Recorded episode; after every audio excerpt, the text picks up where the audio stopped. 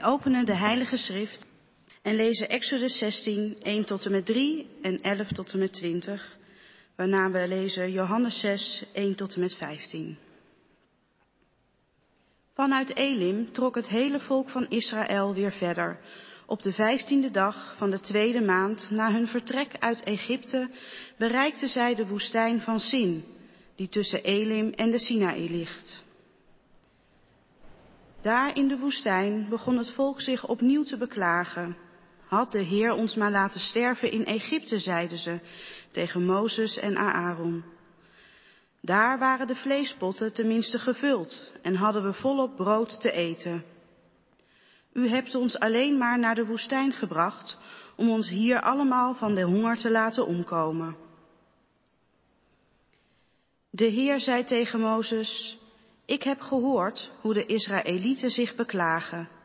Zeg tegen hen, wanneer de avond valt, zullen jullie vlees eten en morgenochtend brood in overvloed.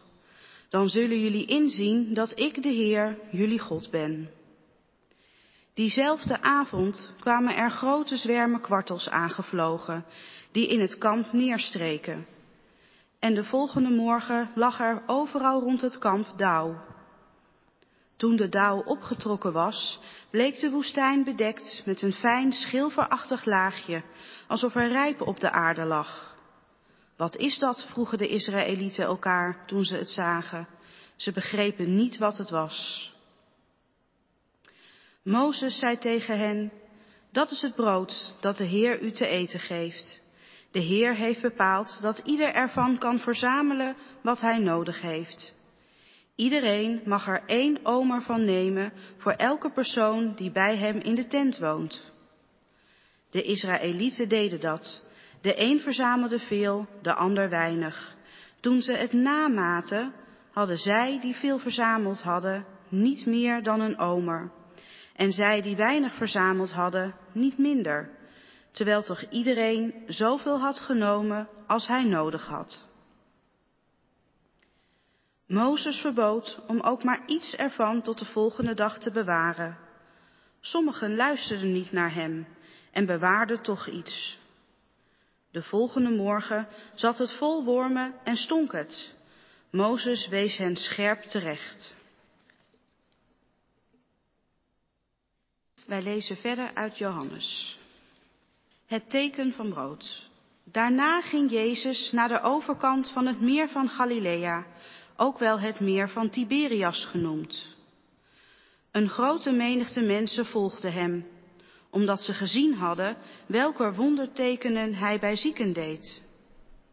Jezus ging de berg op en ging daar met zijn leerlingen zitten. Het was kort voor het Joodse Pesachfeest.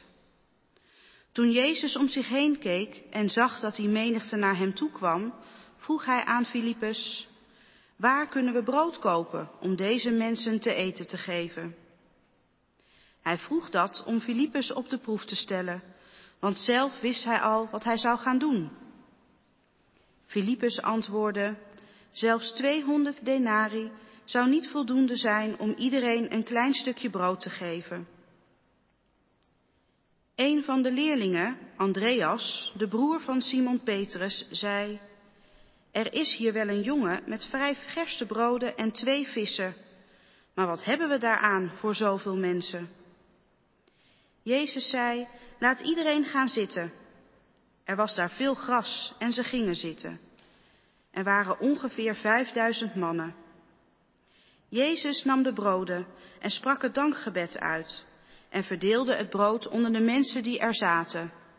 Hij gaf hun vis, zoveel als ze wilden. Toen iedereen volop gegeten had, zei hij tegen zijn leerlingen, verzamel nu de overgebleven stukken brood, zodat er niets verloren gaat. Dat deden ze. En ze vulden twaalf manden met wat overgebleven was van de vijf gerstebroden die men had gegeten. Toen de mensen het wonderteken dat hij gedaan had zagen, zeiden ze, hij moet wel de profeet zijn die in de wereld zou komen. Jezus begreep dat ze hem wilden dwingen om mee te gaan en hem dan tot koning zouden uitroepen. Daarom trok hij zich terug op de berg, alleen. Zo luidt het woord van de Heer, lof zij u Christus.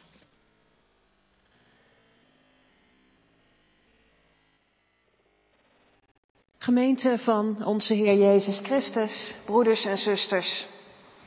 Ik was hongerig en jullie gaven mij te eten, zegt Jezus.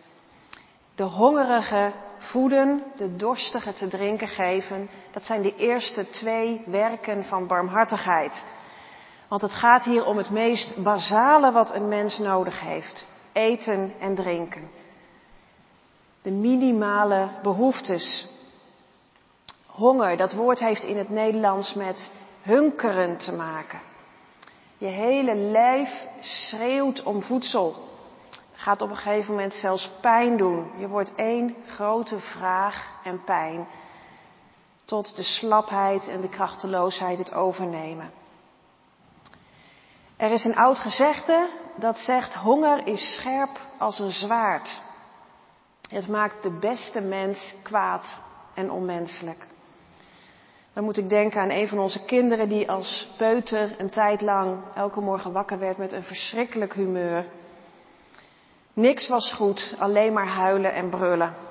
Tot we er op een gegeven moment achter kwamen dat het humeur als sneeuw voor de zon oploste zodra er ontbeten werd.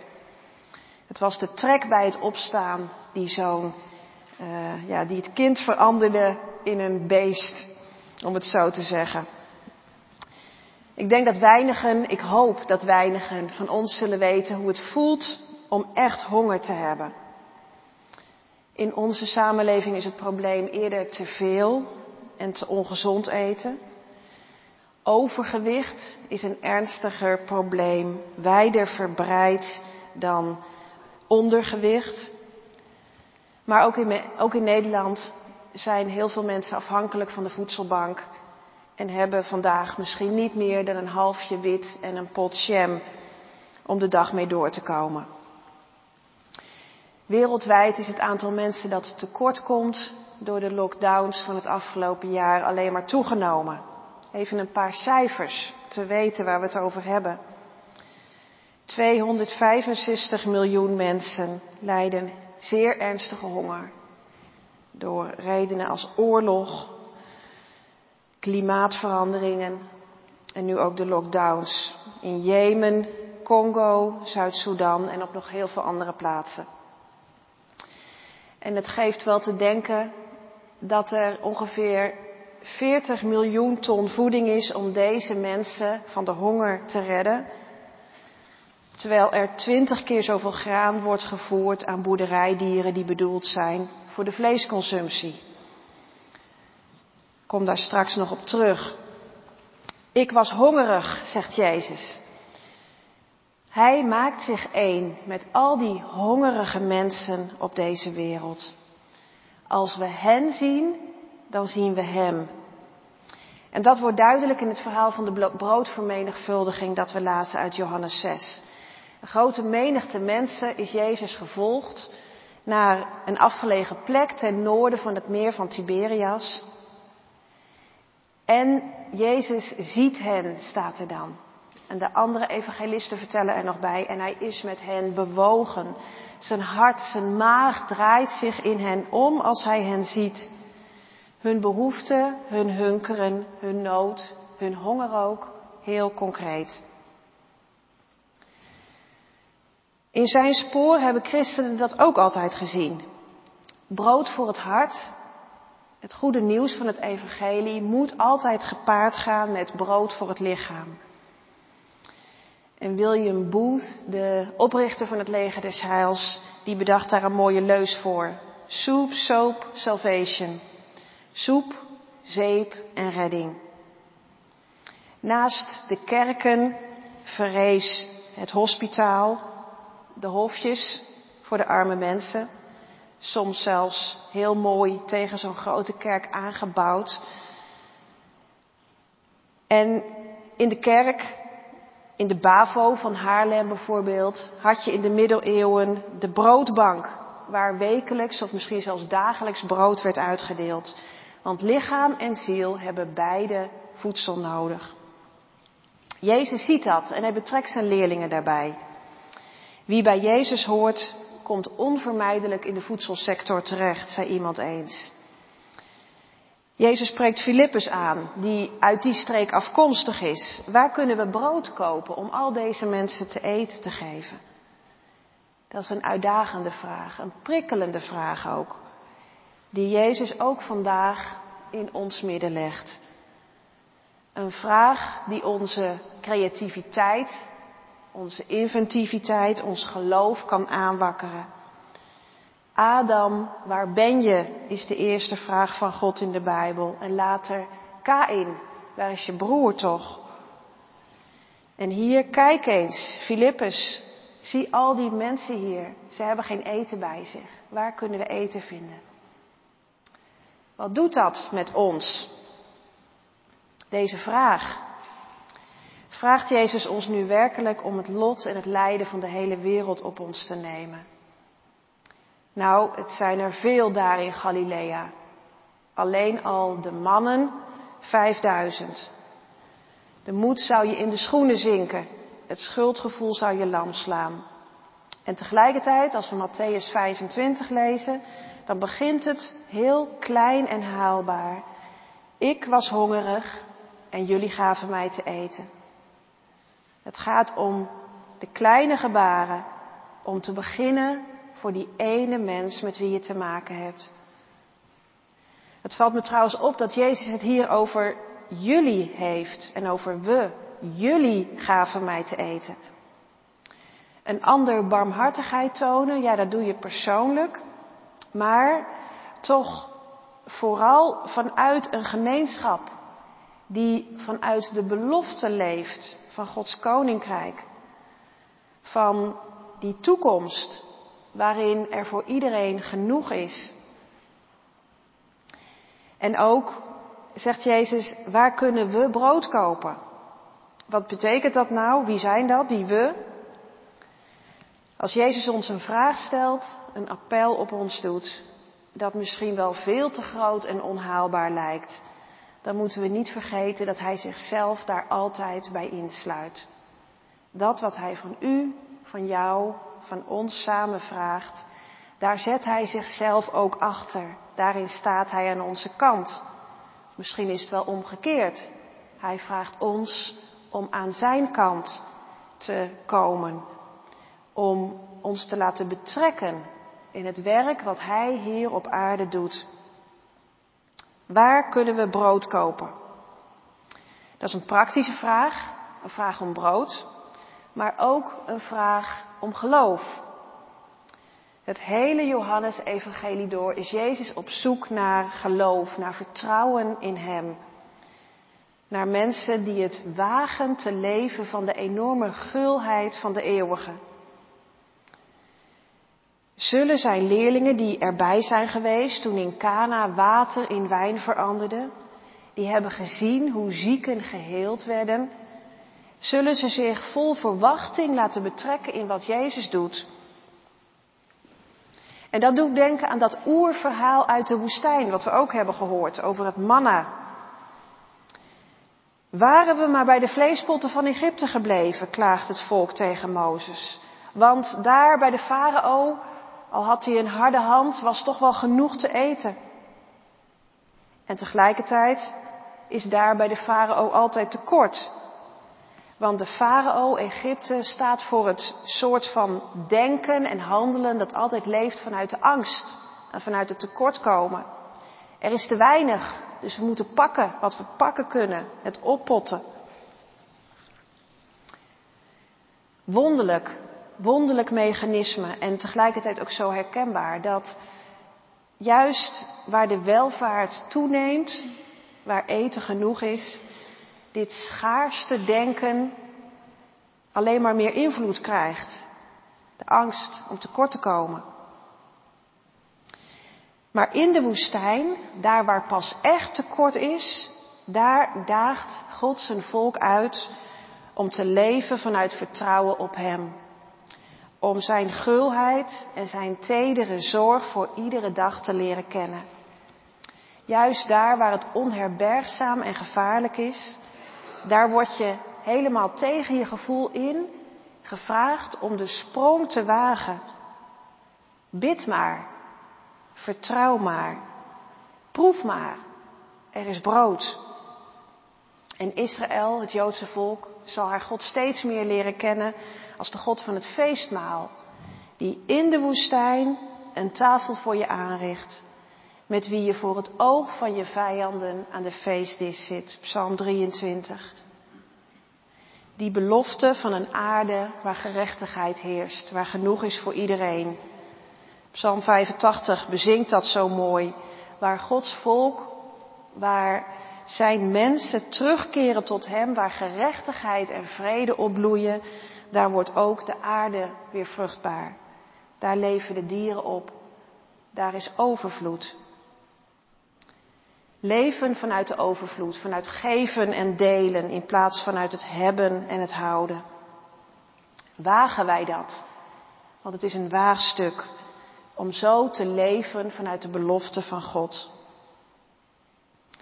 Jezus krijgt op zijn vraag van de leerlingen twee antwoorden, twee reacties. Filippus ziet de nood en hij slaat er dat rekenen. Hij zegt 200 denari, dat is echt een enorm bedrag. Dat zou nog niet genoeg zijn om deze mensen allemaal te eten te geven. Schaarste. Andreas zit op een ander spoor. Hij ziet een mogelijkheid. Er is hier een jongen met vijf gerstebroden, twee vissen. Maar direct valt hij zichzelf weer in de reden. Ach, wat hebben we daaraan? En moet u nagaan. Dit zijn de leerlingen die na Pasen het goede nieuws van Jezus door de hele wereld zullen verspreiden. En denken wij niet, net, net als zij, vaak vanuit het tekort zien we wel de nood, maar niet Jezus midden in die nood, in zijn gulheid, in zijn goedheid, brood uit de hemel. Willen we wel wat bijdragen en meedenken, maar zetten we dan dat direct ook weer tussen haakjes? Wat stelt het ook eigenlijk voor? Maar met dat wat wij aandragen, wat we opgeven en offeren, kan Jezus iets. Vijf broodjes en twee vissen. Een lunchpakketje. En dan wordt het ook wel spannend, want wat hebben wij te geven? En geven, dat heeft in de kern ook iets van opgeven. Juist in de 40 dagen oefenen we dat, leren we dat en de kinderen gaan ons daarin voor. Geven als opgeven. We zullen juist in de kerk van het Westen de vraag moeten stellen wat onze leefwijze, onze manier van omgaan met voedsel, onze vleesconsumptie betekent voor het in stand houden van de honger in de wereld. Zouden we daarin niet moeten, niet kunnen minderen? Geef ons heden ons dagelijks brood, zeggen we, bidden we. En dat ons, het gaat over de hele mensheid, al onze broeders en zusters, geef ons heden ons dagelijks brood. Maar wat als het graan voor dat brood aan de varkens en de koeien wordt gevoerd, die door het meest welvarende deel van de mensheid worden opgegeten? De hongerigen voeden. Mag het ook zo concreet worden? En dan, wanneer Jezus de broodjes en de vissen aanneemt en ervoor dankt en ze uitdeelt, dan blijkt dat het maar niet ophoudt. Dan blijkt er genoeg te zijn voor heel die menigte.